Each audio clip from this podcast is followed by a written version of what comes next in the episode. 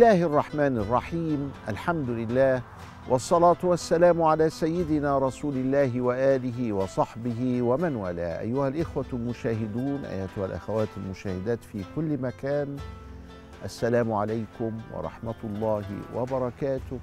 وأهلا ومرحبا بكم في حلقة جديدة من حلقات رب لترضى معنا مجموعة الشباب نسير سويا في طريق الله سبحانه وتعالى. السلام عليكم يا شباب. مين معاه السؤال النهارده؟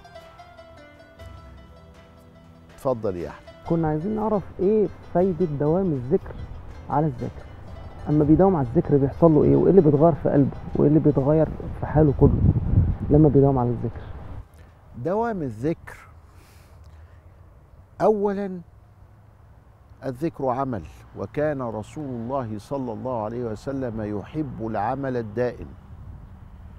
ويقول أحب الأعمال إلى الله أدومها. وإن قل فما بالك لو كثر؟ يكون أحب. كثير من الصحابة حدث لهم رغبة في الزيادة والتشوف والتشوق للعبادة. فكان النبي صلى الله عليه وسلم يهدئ بالهم من أجل الديمومة. ويقول إن هذا الدين متين فأوغل فيه برفق. فإن المنبت لا أرضا قطع ولا ظهرا أبقى. إيه المنبت ده؟ المنبت اللي سائر على الجمل بتاعه في الصحراء وعايز يوصل إلى المدينة بتاعته أو القرية بتاعته فمش راضي يستريح. الجمل تعب فمات. هو لما أتعب الجمل أتعبه في قد إيه؟ اتعبه في 48 ساعة.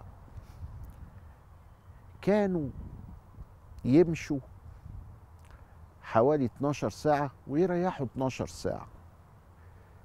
فلما وفي خلال ال 12 ساعة دي يقضي مرحلة.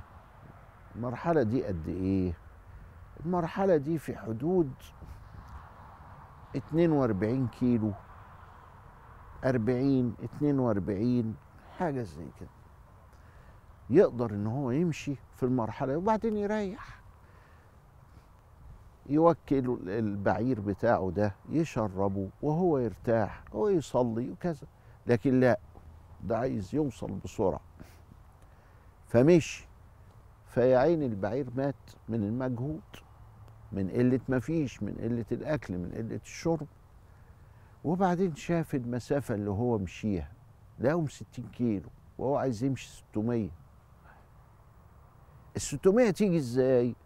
ناخدها في 40 في 40 كده كويس كل يوم 40 إن المنبت لا أرضا قطع ولا ظهرا اللي هو البعير بتاعه اللي هو بيركب على ظهره ده أبقى. البعير مات وحضرتك ما وصلتش. انت كده خدت الستين كيلو على بعضها أهلكت البعير بتاعك والستمائة كيلو اللي انت عايز توصلهم ما حصلتش. سيدنا رسول الله بيعلمنا الحكمة حتى في السير إلى الله سبحانه وتعالى. فجاء عبد الله بن عمرو بن العاص رضي الله تعالى عنهما وقال له يا رسول الله شوف بقى أنا بستأذنك أنا عايز أصوم على طول. الظهر اسمه صيام الظهر. قال له أخاف أن ينسأ لك في عمرك ينسأ لك يعني يزاد يعني خلي يعني هتموت كبير. فلا تستطيع. فقال بي قوة يا رسول الله. قال له طب صوم ثلاث أيام في الشهر. 13 14 و15 يسموها الفقهاء ليالي البيض عشان القمر يعني إيه بيبقى في السماء. منور كده كامل فيسموها الليالي البيض. فصوم 13 14 و15 قال له بيقوا قال له طب صوم الاثنين والخميس. في أربع أسابيع يبقوا ثمانيه بدل ثلاثة قال بيقوا المهم لغاية ما قال له صوم يوما وأفطر يوما. هذا صيام نبي الله داود. ما فيش أكتر من كده. فكان عبد الله بن عمرو بن العاص لما كبر ومش قادر يصوم ويجيه اليوم آه، فوق التمانين ويوم حر وما هوش عايز يسيب ما تعود عليه. فأنت بتسأل هو الواحد لما يديم على الذكر أو يديم على العمل على فكرة. هيشعر بإيه؟ يشعر بلذة يشعر بطمأنينة يشعر بهدوء نفسي يشعر بسلام مع النفس يشعر يشعر ب بإنه بإنه مرتاح بإنه سعيد من الديمومة. كل عمل له مذاق. انت عارف الأطعمة مش ليها مذاقات مختلفة كده؟ آه يعني تلاقي الملوخية غير البطاطس غير ال- الفاصوليا غير كذا مذاقات مختلفة. لكن إيه رأيك ان كل الطعام بيحدث الشبع؟ وكل الماء والسيولة بتحدث الري. آه هي بتعمل كده. فالديمومة لها مذاقات مختلفة.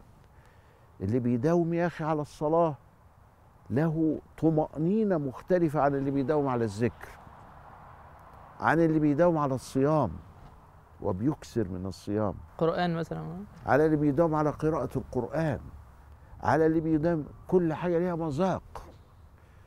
طب افرض جمعت بين كله ده يبقى مذاق تاني. ولذلك كان أهل الله يقولوا إيه؟ نحن في سعادة. لو عرفها الملوك لقاتلونا عليها. الملك آه، بيبقى معاه كل حاجة. يقدر يعمل أي حاجة. ومن هنا تجد الناس بتحبه. لأنه الملك أخلاق الملوك إنهم كرمة يعمل لك اللي انت عايز إيه؟ عايز اتجوز يجوزك. عايز عربية يجيب لك عربية. ما, ما هو الفلوس كتيرة والملك كتير. فالناس تحب والناس تخافه لأنه يقدر إنه يؤمر فيطاع. فالملك ده هو يقول لك أخلاق الملوك. أخلاق الملوك ده إيه؟ ليه؟ لأنه هو بيحبب الناس فيه وبيعمل كده. طيب الملك ده لو عرف السعادة اللي عند أهل الله كان قال لهم الله طب ودي أنا أعمل إيه؟ أنا عايز أشتريها منكم. يقولوا له والله دي ما بتتباعش. طب أنا عايز أبقى كده. طب ابقى كده لوحدك بقى آه، اذكر واعمل وداوم وكتر وهكذا. الله بس ده فيها مجهود فأنا عايزها جاهزة كده. ما ينفعش. الله. أنا هاخدها منكم وهاخدها منكم. حضروا السيوف بقى علشان نقاتل الناس دي علشان أنا عايز آخد الحاجة دي لازم تكون بتاعتي. لقاتلون يعني مجاز ها؟ لقاتلونا عليها. اذا بتسأل ديمومة الذكر بتعمل إيه؟ بتعمل الراحة بتعمل السعادة بتعمل ولذلك يقولوا عليهم عبارات كده ما تتفهمش من ذاق عرف ومن عرف اغترف. يقولون سعادة الدارين. إيه سعادة الدنيا دي بقى؟ سعادة الآخرة خلاص عرفنا إنها جنة وإنها رضا الله وإن النظر إلى وجهه تعالى. وجوه يومئذ ناظرة إلى ربها ناظرة. طب وسعادة الدنيا؟ هذه ال- الراحة الغريبة هذه القناعة هذا الرضا. راضي. هذا التسليم هذه الطمأنينة مش قلقان مش حيران دفيان دفيان كده إيمان في إيمان دافئ كده أنت حاسس بيه. لا حاجة حلوة. حاجة حلوة قد لا تحسن التعبير عنها.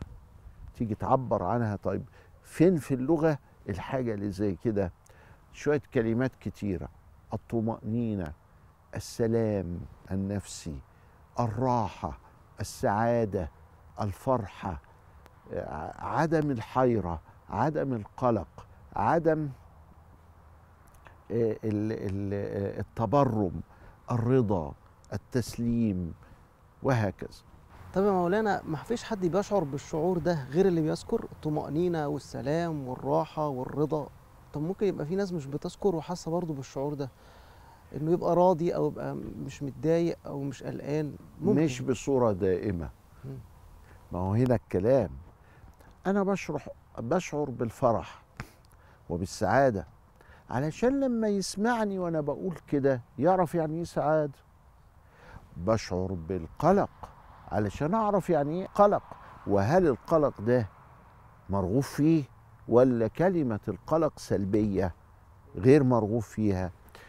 طبعا الإنسان كإنسان يسعد ويطمئن ويرتاح وكذا.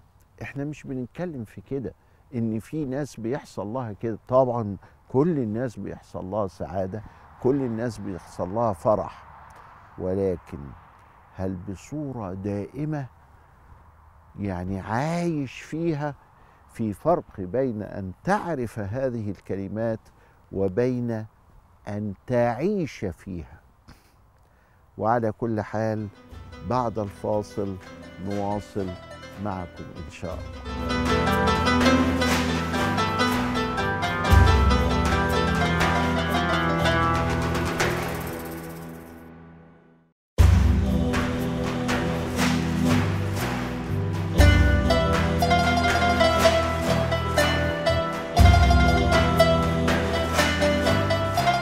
الرحمن الرحيم.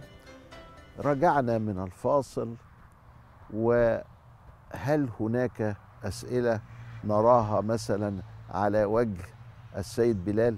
آه سيدي حضرتك كنت قلت من أساس الطريق الذكر والفكر ومن وفي الاذكار في أو اذكار صباحية ومسائية. فأنا عايز أعرف الصباح بيبدأ من إمتى وبينتهي إمتى والمساء بيبدأ من إمتى وبينتهي إمتى؟ ولو ما قلتش ذكر أذكار الصباح ينفع أقولها مع المساء؟ فخلي مثلا في المساء بقول ورد الصباح مع ورد المساء. أو أجي بكرة أقول بتاع امبارح مثلا؟ واحدة واحدة. نمشي سؤال سؤال. السؤال الأول إمتى الصبح بيبدأ؟ الصبح بيبدأ مع صلاة الفجر مع أذان الفجر الصادق. لأنه الشمس قبل ما تطلع من جهة الشروق وهي عند درجة 21 تحت الأفق ضوءها بيبدأ يظهر بس بيظهر زي ديل ال- السرحان أو اللي هو الديب. ديل الديب كده ولا ديل التع... تلاقيه صغير من كده ومنتشر كده لفوق زي القمع المقلوب كده. ببص لجهة الشروق ألاقي القمع المقلوب ده. وبعدين يختفي والدنيا تضلم تاني. وبعدين يجي ضوء في الشروق في الشرق في جهة الشرق مستعرض كده أهو. بالطول كده زي مستطيل كده. فده اسمه الفجر المستطيل باللام والتاني ده المستطير. الفجر الأولاني ده اسمه الفجر الكاذب بيضحك علينا كأنه يعني ها كذب علينا. الله ده في ضوء أهو يبقى الشمس هتطلع. لسه ما طلعتش ولا جاتش. التاني الفجر الصادق. ده اللي بنصلي عليه مولانا؟ اللي هو إحنا بنصلي عليه. وده بتكون تحت الأفق ب 19 درجة. واخد بالك؟ ابتداء من 22 23 وهي تحت يطلع ال- الفجر باختلاف ال- الأماكن. الشمس بتمشي الدرجة في أربع دقايق. يبقى ما بين الصادق والكذاب الكذاب الأول. وبعدين بيجي الصادق. حاجة بتاع خمس درجات يعني حاجة بتاع عشرين دقيقة. ف كان بلال أول ما يطلع الكاذب ده يأذن. الأذان الأول كانوا يأذنوا زمان الفجر مرتين. مرة مع الضوء الأولاني ده هو ومرة مع الصادق. الصادق كان يأذنه ابن أم مكتوم. سيدنا عبد الله بن أم مكتوم كان ضرير فكانوا يقولون له أصبحت أصبحت علشان يأذن لأنه مش شايف. فكان الصحابة تقول له إيه؟ أصبحت أصبحت. هو واقف مجهز يا عيني كده أهو هي ها؟ هيأذن. فإمتى يأذن؟ لما لما يسمع الصحابة يقولوا له أصبحت أصبحت فيؤذن. وسيدنا بلال يأذن الاولاني. بس مش تملي ساعات سيدنا بلال يؤذن برضه التاني. ابن أم مكتوم ما جاش أو كذا إلى آخره برضه يؤذن التاني. وهو ده اللي مرة لقى فيه سيدنا النبي نايم فقال الصلاة خير من النوم. سيدنا النبي كان يقوم الليل بس ينام شوية كده. فلقى النبي نايم ما ما ما, ما طلعش. فراح قال الصلاة خير من النوم فأضيفت إلى الأذان. سيدنا بلال ولا سيدنا عبد الله بن مكتوم؟ سيدنا بلال ما هو هنا اللي لخبط بعض الناس وقال الصلاة خير من النوم في الأول مش في التاني. لأن سيدنا بلال اللي كان بيقول الأول. لا هو مش تملي كان بيقول الأول. بعض الناس من, من العيال الصغيرة اتلخبطوا في الحكاية دي. لا ده هو كان بيقول ده وكان بيقول ده. فهو قالوا في التاني قالوا في التاني إذا الإجابة على السؤال إمتى يبدأ الصبح؟ يبدأ مع أذان الفجر الصادق اللي هو النتائج بتاعتنا بتعملها اللي هو لما يبقى عند 19 درجة. طيب أدي ده الصبح. إمتى يبدأ المساء؟ شوف الكلمة. يبدأ المساء عند العرب عند أذان الظهر. عند أذان الظهر. الجماعة الأوروبيين لما احتكوا بينا في الأندلس وفي صقلية وفي طليطلة ومش عارف إيه الكلام ده في الأندلس وفي صقلية خدوا الكلام ده مننا. فتلاقي مساء الخير عندهم بعد صلاة الظهر. صباح الخير قبل صلاة الظهر مساء الخير بعد صلاة الظهر إحنا بنقول السلام عليكم. لكن هم جم وقالوا إيه؟